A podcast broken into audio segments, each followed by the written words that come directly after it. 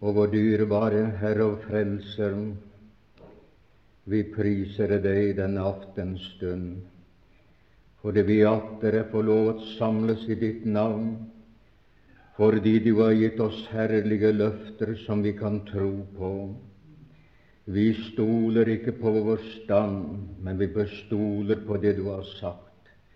Vi stoler ikke på våre evner, men vi stoler på ditt frelsesverk. Å, det er så godt å få lov at regne med det du har gjort.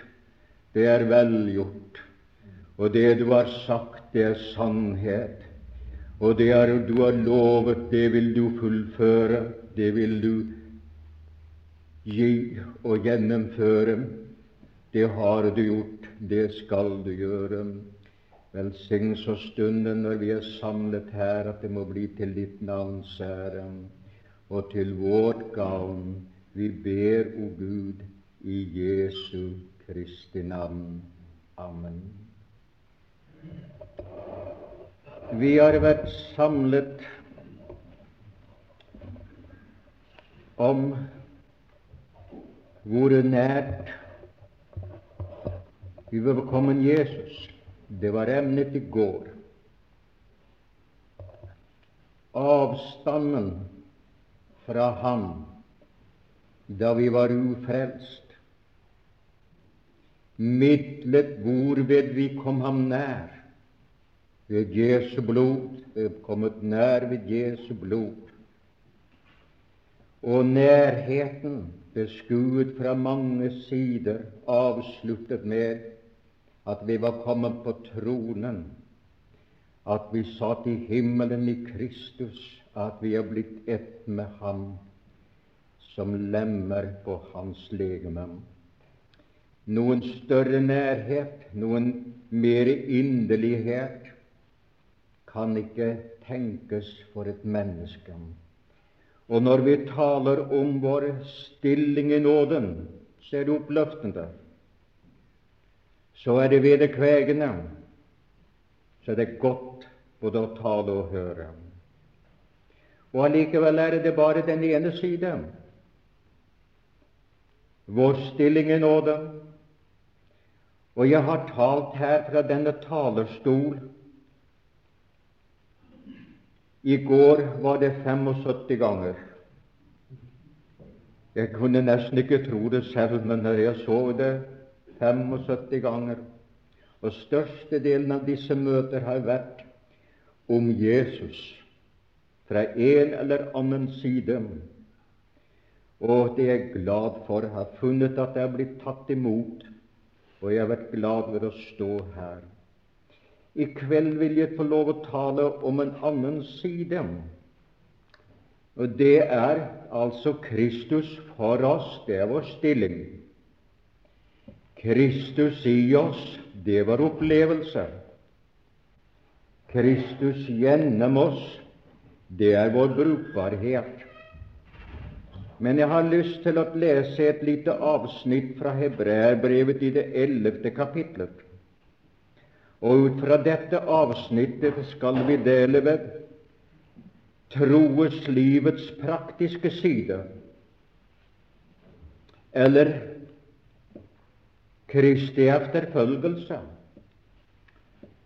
Det rører ved en annen side. Det annet det var stillingen der oppe, og den er alltid fullkommen. Det annet det er tilstanden i nåden, og dessverre må vi alle innrømme den er alltid ufullkommen.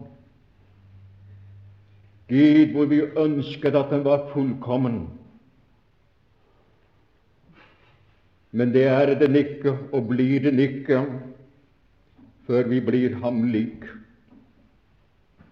Vi har to naturer, og det merker vi på så mange måter. Men vi har ordet som taler til oss om at vi skal gi akt på det, at vi skal rette oss efter det. Drevet av kjærligheten blir det ikke en tvang, men blir det en glede for den som tror på Jesus. Skal vi lese i Hebreabrevet, det ellevte kapitlet. Ved tro. Men troen er full visshet om det som håpes, overbevisning om ting som ikke sees. På grunn av den fikk det gamle godt vitnesbyrd. Og det er den praktiske side ved kristenlivet, ved troslivet. Ved tro skjønner vi at verden er kommet i stand ved Guds ord, så det som sees, ikke ble til av det synlige. Ved tro bar Abel fremfor Gud et bedre offer enn Kain, og ved den fikk han det vitnesbyrd at han var rettferdiggjort i det Gud vitnet om hans gaver, og ved den taler han ennå efter sin død. Ved tro ble Enok bortrykket så han ikke skulle se døden. Han ble ikke funnet fordi Gud hadde bortrykket ham. For før han ble bortrykket, fikk han det vitnesbyrd, eller det gode vitnesbyrd, at han tekkedes Gud. Men uten tro er det umulig å tekkes Gud, for den som treder frem på Gud, må tro at Han er til, og at Han lønner dem som søker Ham. Og Vi kunne lese noe mer om troeshelterne, men vi avslutter med de to siste versene. Og enda alle disse fikk vitnesbyrd for sin tro, oppnådde de ikke det som var lovet, fordi Gud forut hadde utsett noe bedre for oss, så de ikke skulle nå fullendelsen uten oss. Og dette bedre, det er det frelsesverket full og fri av bare nåde til hver den som tror, som vi ble delaktiggjort i det øyeblikk vi tok imot Jesus Kristus, men som de ikke opplevde før Kristus hadde sonet deres synd, tatt den straff som de skulle ha, så vel som vår, og ved sin oppsandelse og sin seier kunne føre dem til herlighet. Da opplevde de det vi opplever hva de tror. For verket var ikke gjort, men da var det gjort og nå er de hjemme hos Herren. en triumferende skare sammen med den triumferende menighet som er hjemme hos Herren. Og mange av de venner er og herfra er også der og priser Gud og lammet. Ja,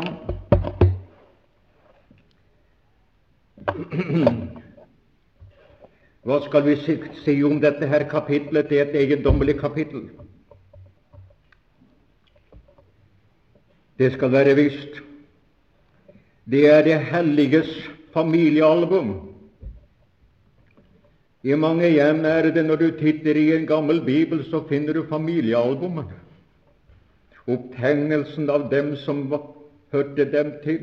Og det her er et guddommelig familiealbum som hører disse som hører Herren til. Det er troeshelternes billedgalleri. Har du gått gjennom et billedgalleri? Og her er det like som om vi blir fått lov å se og beskue noe av dem, både dem og deres liv. Det er et himmelsk publikum vi møter her, som nå er frelst av nåde, slik som vi er frelst av nåde. Det er martyrskarens guddommelig inspirerte biografi, gitt dem av Gud med et godt vitnesbyrd. De tekkedes Gud ved sin tro, dessverre ikke alltid med deres liv. De var tilregnet rettferdigheten formidles troen, men livet for manges vedkommende var ikke det det skulle være. Og kan hende noen av hver kunne si Gud, vårt liv var enda bedre enn det er. Det er ingen unnskyldning. Men allikevel så fikk Herren sin vei med dem på troesområdet, og det innvirket på deres liv. Og vi får se hva det, hva det kostet dem å være troende i en ond verden. Vi ser troesheltenes liv uten forfølgelse. Noen uten forfølgelse synes å gått nokså lett gjennom verden. Men vi ser andre med, som opplever stor forfølgelse, ja, til og med å bli gjennomsaget og bli satt inn i et hult tre og bli saget tvers over. Tradisjonen sier at slik døde profeten Esaias. Ble saget over for han ikke ville fornekte sin Gud. Og således er det mange som led forferdelig for sin tro. La oss nå se litt på hvordan Herren fikk sin vei med dem. Om ikke det kunne anspore oss også på, dette måte, på denne måten at vi vil gjerne få lov at leve til Jesu ære, til Guds ære, at Han må ha lov å ta sin vei med oss, så at vårt liv måtte være en anbefaling til de omvendte, så de kunne få lov å se dette, at det er noe best å være aller best å være frelst. Finnes ikke noe bedre i denne verden enn å kunne få lov å være frelst. Vi stanser da først ved Abel. Herren fikk se vei med Abel i hans religiøse liv. Det er det første vi merker oss. Han så seg selv som en fortapt synder og at han har behov av en stedfortreder. Og han valgte det som Gud ville han skulle velge. Han valgte et uskyldig dyr, et lam. Han løftet dette lammet og sluttet det til sin barn. Og Herren så dette hans offer. Det var både et syndoffer ja, et syndoffer, for han var en synder. Jo, et slaktoffer. Og hvor godt var det ikke at han hadde, og det må du og jeg ha. Han hadde en stedfortreder mellom seg og Gud, som gikk i borgen for ham, som døde for ham, som sonet for ham, og Gud hadde velbehag i hans offer. Men det er noen ting som er større enn å få lov å se at, at vi har fått lov å få tak i Jesus og klynge oss til ham. Og det er dette at han holder oss fast. Han har omsluttet oss med sin kjærlighet, og han er ikke i tanke at slippe oss. Han holder fast. Gudskjelov, du er i hans hender, du som har sagt ja til ham. Og det er velsignet å være. Men det må begynne med lammet. Det må begynne med frelsen. At han får sin vei med oss der. At vi ser oss selv så tapt uten ham. At ikke vi vet oss noen ting annet til frelse eller ham. Frelse av nåde, uten gjerninger. Hans verk først og sist helt og holden. Det er slik det begynner. Og hvis ikke det får begynne der, så er alt det annet påfengt. Det begynner med 'Jeg er frelst av nåde', og så kan så Gud få lov at virke i våre hjerter til sitt navns gjerde. Han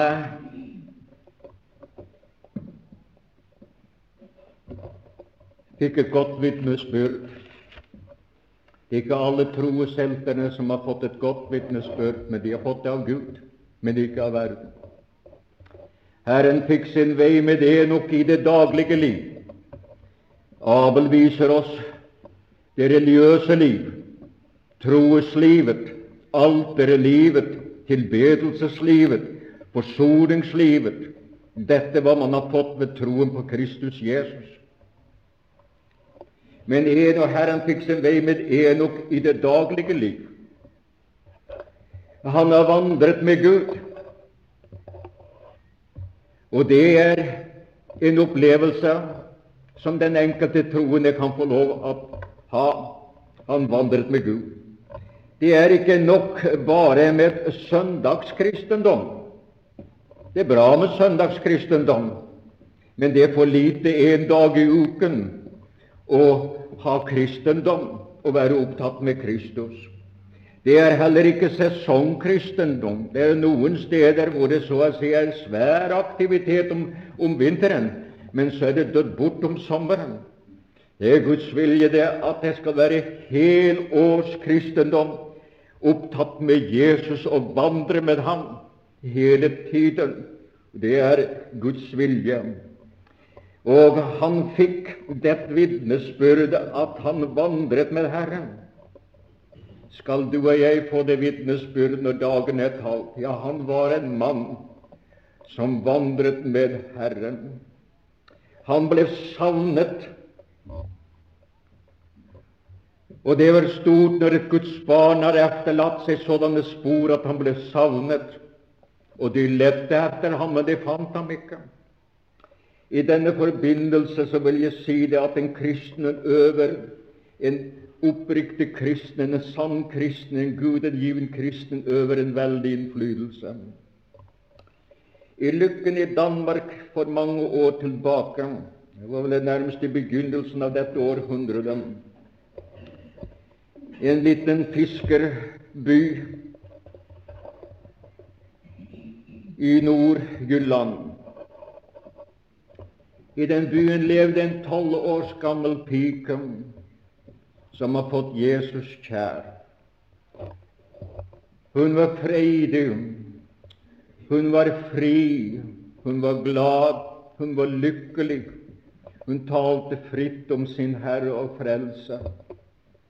Hun var en solstråle i denne lille landsbyen eller fiskebyen. Ikke mange, ikke mange var frelst der, men hun var en av de frelste. Og så døde hun. Hun fikk tuberkulose, som den gangen var jo nokså mange som ble grepet av denne sykdommen. Da hun ble begravet, da var det ikke et menneske i byen som ikke var til stede. Og på hennes grav ble det satt en liten gravstein, og på den sto det Da du var blant oss, var det lett å være god. Da du var blant oss, var det lett å være god. Hun øvde en hellig innflytelse. Og så er det det er mennesker som lever med Herren, som er opptatt med dette, samtales med Ham, gå med Ham, ferdes med ham, har han med seg i hjemmet, har han med seg på arbeidsplassen. Å, det er et levende vitnesbyrd. Det øver en langt større innflytelse enn du kan tenke deg, og det er vårt privilegium alle sammen. Han skulle ikke smake døden, men Jesus smakte døden for oss alle. Han unnvik døden med Jesus Kristus han døde for oss, ja, døde i vårt sted. Herren fikk sin vei med Noah i hans ærvervsliv. Det første var det religiøse liv. Det annet var det daglige liv. Og det daglige liv, det er meget verdig. Det ble sagt om en mann som var predikant. Ditt liv taler så høyt at jeg kan ikke høre hva du sier. Ditt liv taler imot deg, så jeg kan ikke høre hva du sier. Jeg kjente en kvinnelig evangelist i Danmark. Hun døde for mange år siden. Hun var en dyktig taler. Det var ikke noen ting i veien med det. Men vet du hva folk sa? om henne. Når hun kommer ned på opp på prekestolen, skulle hun aldri ned. Og når hun kommer ned av prekenstolen, skulle hun aldri opp. Kan du forstå dette? Det vil si dette. Det hun sa, det var rett, men livet var ikke rett. Således at hun ikke burde være der. Ja, da er det trist hvis ordets forkynner og hvis de troende ødelegger budskapet ved sitt liv. Gud hjelpe både meg og deg og alle sammen at vi må få lov å leve under en åpen himmel, slik at vi lever i syndenes forlatelse og lever med en ren samvittighet og samfunn med Gud, så vi kan se menneskene i øynene og se vi har det godt med vår Herre og Jesus Kristus. Noah Herren fikk seg vei med hans ærvervsliv. Han bygde en ark til frelse for sitt hus. Han bygde en ark til frelse for sitt hus.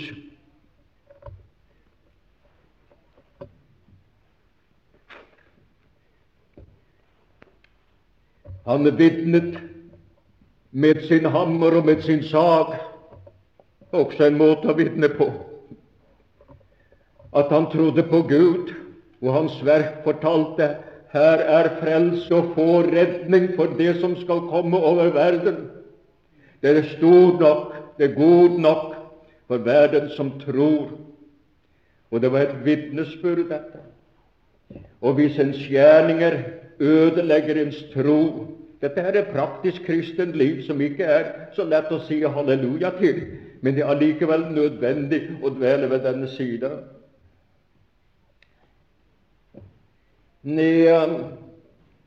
i Danmark da jeg var forstander i Århus. En tid etter jeg var kommet fra Amerika, var der i menigheten en som var til og med en styrebrødre. Han er døende for mange år siden. Nå det ingen som vil verken vite om det, så jeg kan si det ellers. Levde han når det var kjent, så ville jeg ikke ha sagt det nede i Danmark, men jeg kan si det her. Vi kom til å snakke om det praktiske liv. Så sa han til meg i det store firmaet jeg arbeider Han var bokholder. Ser jeg rett som at det blir gjort fantestreker, uærlighet,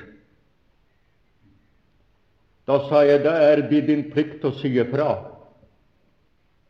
Ja, gjør jeg det, så blir jeg sagt opp. Det en vet, rører ikke meg, det får bli deres sak.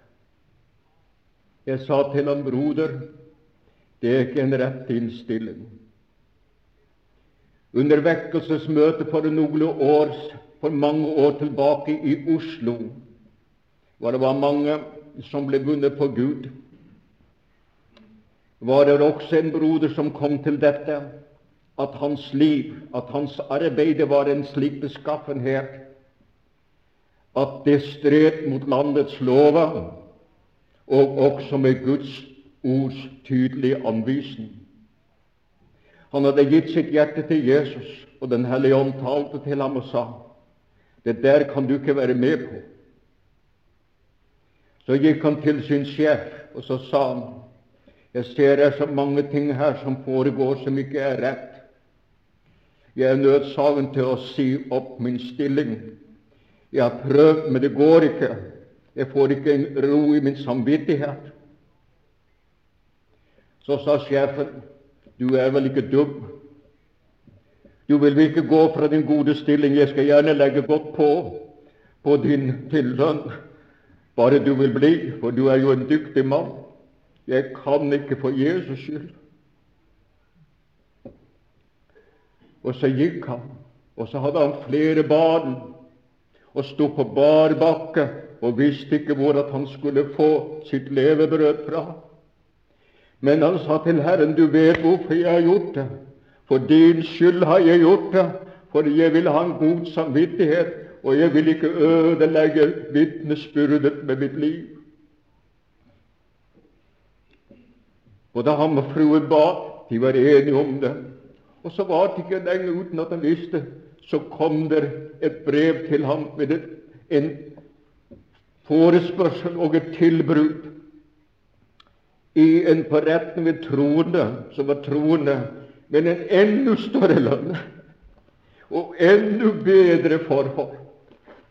Ja, da kan du da vel skjønne det, at han ble lykkelig og glad.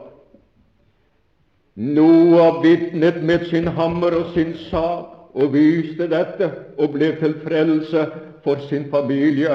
Og Det er også Guds vilje, dette, at også vår gjerning skal vitne om at det som er rett. Og Det er troens, det er kjærlighetens som virker slik at de elsker ham fordi at han elsket oss først. Det er ikke loven, det er kjærligheten som virker slik. Vi vil gjerne gjøre dem til laks som vi elsker. Er det ikke slik? Det har i minste vært min opplevelse. At den jeg er glad i, vil jeg gjerne gjøre til laks. Det er jo derfor at vi elsker Jesus. Det er jo derfor at vi vil følge ham. Og der må vi rette oss efter Hans ord. Herren fikk sin vei med Abraham i hans troes liv. Det er en annen side. Det ble regnet ham til rettferdighet at han trodde Gud. Han valgte i tro å gå ut. Han vandret i tro. Han hadde ikke kompass. Og han hadde ikke noen ledsager uten Den hellige ånd, sikkert som ledet ham. Han skulle gå ut fra sin far. Han, I tro skilte han seg fra sin, fra sin slekt og fra den by han bodde i, og gikk ut, vi kan nesten si på det uvisse. Utviklingen var langt fremme allerede den gangen, på den tid. Det var skyskrapere allerede, hadde funnet ved utgravninger. Der var innlagt både vann og bad og alt mulige ting som man finner, men det skal jeg ikke komme inn på. Fra sånne ordnede forhold lyttet han til Gud, og i tro gikk han ut på løfternes grunn. Så vandret han i tro, så fikk han landet i tro, så levde han i tro, så døde han i tro, så vitner han ved sin tro. Å, mine venner, det var troeslivet. Han hadde det, det guddommelige for øye. Han var Guds venn, Herrens venn. Så Herren fikk sin vei med Abraham i troeslivet. Og vi er rettferdiggjorte ved troen. Vi skal vandre i troen. Vi blir bevaret ved troen. Vi skal bli bortrykket på middels troen. Av nåde ble vi frelst, av nåde blir vi bevart, av nåde skal vi få lov å være sammen med Herren, bli bortrykket i sjøen, for Han tar, slipper ingen, og Han tar alle dem med seg som har det evige liv, som er frelst, som er gjenfødt. Gudskjelov også dette i troeslivet. Som et menneske tror, så er det. Og her er det dette de er slik de tror på Jesus. Det så å si revolusjonerer deres liv.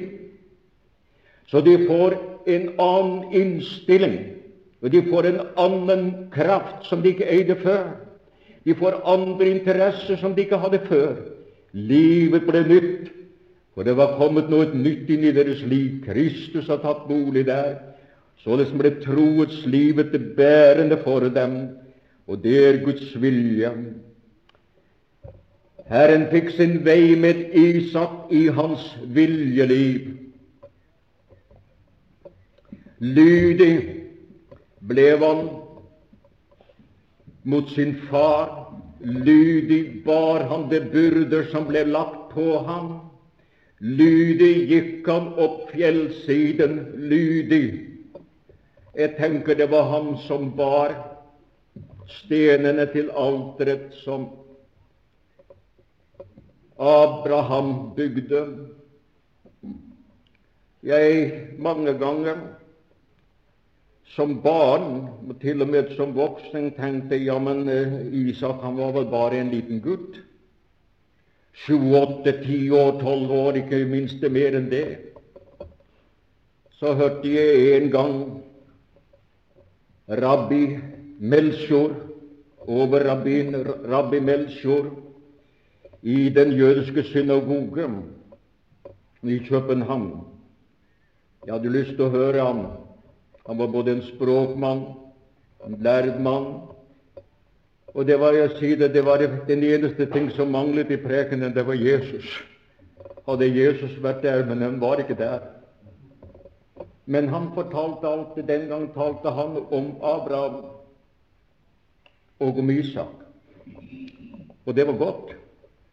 Og da sa han blant annet at det, det ordet som er benyttet til tok gutten, eller drengen på dansk, kan innbefatte at han kunne være inntil, så langt som jeg kan huske, 27 år gammel. Og da kunne jeg bedre forstå det. Han er jo et forbilde på Jesus Kristus. Herren fikk seg vei med hans viljeliv. Han var villig til å gå i tro, og han var villig til å bære i tro. Og han var villig til å legge seg ned på alteret til tro. Og det så ut som at han skulle dø som en ung mann, men i tro lå han der, og han hadde styrke nok fysisk til han kunne rive seg løs. Og hvilket bilde på Jesus som frivillig gav sitt liv i døden. Han fikk, Herren fikk sitt vei med ham i hans viljeliv. Herren fikk sin vei med Jakob i hans manndomsliv. Ja, Jakob, dersom Gud kunne frelse Jakob, så kan han frelse hvem som helst, for Jakob var en umulius. Men Gud er det umuliges Gud. Og dersom han i lang tid av hans liv, kan vi godt se det, eide han en teoretisk tro, men ikke en saliggjørende tro. Munde sa en gang om ham i København, jeg hørte ham, Jakob, snyteren, kjeltringen, løgneren. Så var det en mann i forsamlingen som reiste seg det der er ikke sant. Det står ikke min bibel. Men Mundus han var slagferdig. Han sa da må du ha djevelens bibel. Han brukte nå et annet ord, men, men jeg, vil, jeg, vil, si det slik da må du ha djevelens bibel, for det står i min. Men tenk en slik en umulius. Og Gud er det umuliges Gud. Det som var umulig for loven, det gjorde Gud. Gudskjelov, han gjorde det, og han gjorde det til vårt beste og til vår frelse. Domfelte synden i kjøden, så ikke noe menneske skal gå fortapt på grunn av sin arvesynd, men sin viljesynd, sin ulydighet mot Herren. Det er en helt annen sak. Det avgjør det selv. Men da Herren fikk sin vei, men han var en stivsinning, og det er det mange mennesker som er, så han ville ikke gi seg så Herren måtte rokke ved ham og nedbryte hans kreft, og som en krøpling overgav han seg, men klynget seg til Herren. Og da ble han en Israel. Og etter den dag hører vi bare det som er godt om Jakob. Da han lærte å bøye seg for Herren og late han få lov å ta sin vilje med ham. Og bøyet over kjappen over sin stav tilbad han Gud slik var det han avsluttet livet. Jakob hadde det med å holde fast, forstår du. For det er just det amen navnet betyr å holde fast. Han holdt fast på sin bror før han var født. Og han holdt fast på nesten alt mulig, slapp ikke rett. Typisk jødisk for den saks skyld. Og også i døden fikk han lov å holde fast. Men da holdt han fast og tilbad Herren. Gud hadde fått sin vei med ham fra han var en sterk mann til han var en olding og avsluttet livet. Herren fikk sin vei med Josef i hans tankeliv. Så Det er forskjellige sider ved livet jeg påpeker. Josef i hans tankeliv. Han var utsatt for de sværeste fristelser til å begå en usedelig handling. Og da tenkte han ikke først og fremst på det der det vil jo ruinere så å si min egen samvittighet. Nei, og han tenkte heller ikke først på hvordan skal jeg kunne gjøre denne store ondskap mot meg selv. For synden, den skader et menneske som ingenting annet. Og han tenkte ikke hvordan skal gjøre denne store ondskap for å, å synde mot Potifar eller mot Potifars hustru, for i begge tilfeller være synd. Nei, hvordan skal jeg gjøre denne store ondskap at synde mot Gud? Herren fikk se vei med hans tankeliv. Han vendte seg bort fra det slibrige. Vi lever i en verden hvor råskapen og slibrigheten og umoralen er blitt slik at den nesten overgår Sodoma og Gomora. Det er ikke langt fra. Og vi er på vei til enda dypere ned. Og hvorfor? Fordi menneskene frigjør seg fra Guds vilje og ikke vil ha noe med Guds vilje. Brenn de bøker hvis du har noen som inneholder slibrige ting. Kjøp ikke og se ikke på disse ting som det er, for det smitter. Det vi får inn, det vi hører, smitter. Til det gode eller verre. Det vi ser, det smitter. Og det kan virke på samme måte slik som jeg kan bruke to illustrasjoner. En makkflue, forstår De hva jeg sier det? En spyflue sier det på dansk. En eh, sier makkflue. Altså en eh, flue som setter seg på fisken eller på mødingdungen eller sånn. Hva, hva kaller de dem her? En flue. Stor, stor flue. Det sier jeg da har noen forskjellige uttrykk her som de har ikke andre steder. Men en sånn som setter seg på gjødseldungen Du ser når de kommer om våren, så kommer disse, ja, til og med inne i, i stuerne. Når den flyver ut om morgenen, så har den fått tusenvis av bakterier på sine føtter. Og når den kommer tilbake og har fått frosset i det råtne, i det fordervede, i det uhumske, i det ting som er så å si fylt med bakterier, så er dens føtter dens kropp fylt med millioner av bakterier, dødbringende og smittebærende. Det er dens innflytelse, det er hva den har vært opptatt med. Når en honningby om morgenen flyr ut, så er den søt. Og når den kommer hjem etter å ha vært ute på blomsteren, så har den gått forbi all giften. Men den er suget til så den kommer laddet og lastet med honning. Dens hjemkomst er enda søtere. Der ser du innflytelsen. Det vi tar imot, det vi tar imot, er det av det rene. Er den det som vi tror på, er det av det rene. En rene Guds ord, det rene liv, det rene sannheter. Det er ting som skulle appellere til det troende, ikke som lovtrelldom, men fordi vi elsker Jesus Kristus, for Han elsker det som er sant og rett og Guds vilje. Så Herren fikk sin vei med tankelivet allerede med Josef, og vi vet hvordan han ble belønnet. Herren fikk sin vei med Moses i hans borgerlige liv. Vi får snart tenke på å slutte.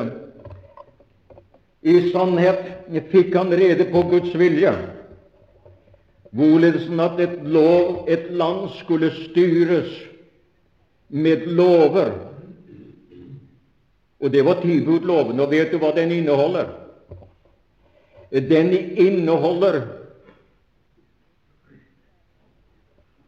anvisninger på et rett forhold til Gud,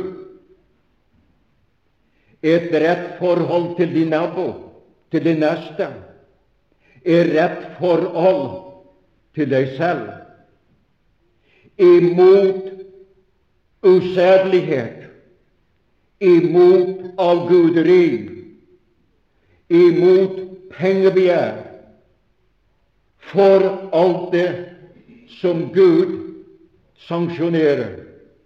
Men ikke var den gitt til frelse, men for at det ikke skulle bli en røverstat.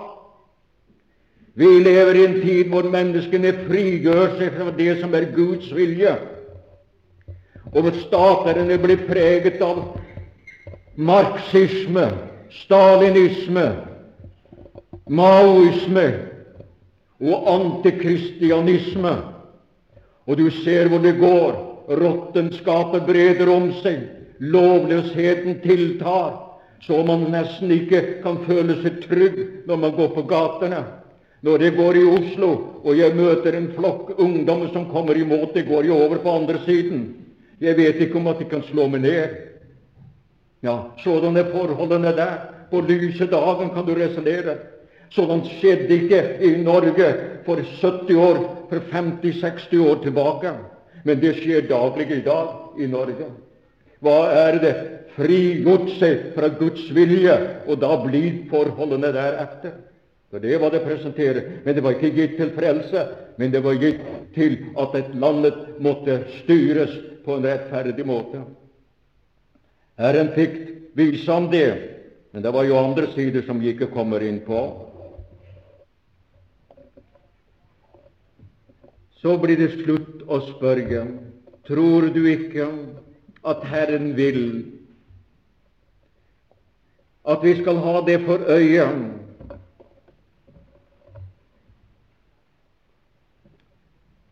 at vi at Han får sin leivet oss i det religiøse liv.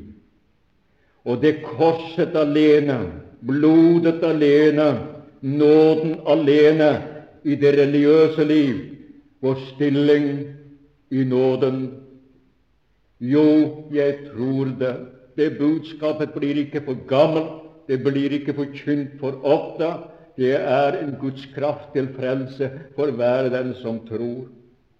Vil Han ikke også ha sin vei med oss i det daglige liv? At vi vandrer med Jesus, at vi begynner med ham om morgenen, snakker med ham. Ja, jeg husker, jeg vet ikke om jeg har fortalt det her. Jeg husker en gang jeg var i St. Paul, Minnesota. Jeg var ute på en bondegård, og jeg var med og Rakehøy og Såtehøy. Det sier vel Såtehøy eller noe sånt. Det var en annen broder jeg visste han var prøvet. Han, han, han hadde hesteriver. For den gangen var det jo ikke traktorer. Og han kjørte den, og jeg kom, kom til å høre. Han var vel omtrent sånn i 20-25-årsalderen. Og jeg hørte han snakket. Jeg hørte han snakke, Men det var jo ingen snakke med. Og han talte, og jeg hørte han akkurat slik som du snakker med en nabo eller med en som står ved vår side. Og jeg må virkelig si jeg ble nysgjerrig. Og jeg gikk nærmere og nærmere, forsøkte å få det til at jeg kom nærmere. Og vet du hva jeg hørte?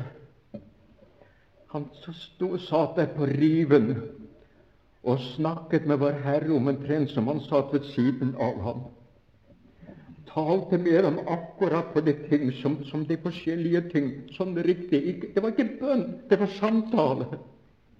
Og jeg måtte folde mine hender og si takk, kjære Gud. Denne bror har det godt med deg. Han lever det skjulte livet med Gud.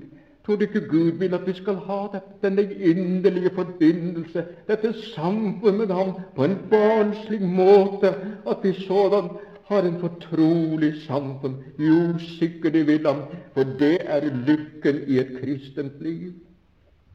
Han vil sikkert at vi skal ha, at han skal få lov å ha sin vei i vår handel og vår vandel, slik at det er preget av Kristi sinn og Kristi tanke og av Kristi kjærlighet.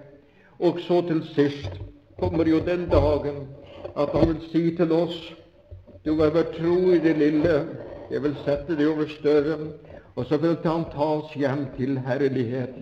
Og det er godt å kunne få lov å leve med Jesus og avslutte livet med Jesus for å fortsette er i herlighet. Det var det jeg hadde fått til dere i kveld, som at jeg ville gi dere om disse troesheltene som tross alt levde på Gammeltestamentets grunn. Men det må jo kunne ventes noe mer av oss, vi som har bedre løfter, vi som har bedre blod, Kristi blod, vi som har en bedre ypperste prest,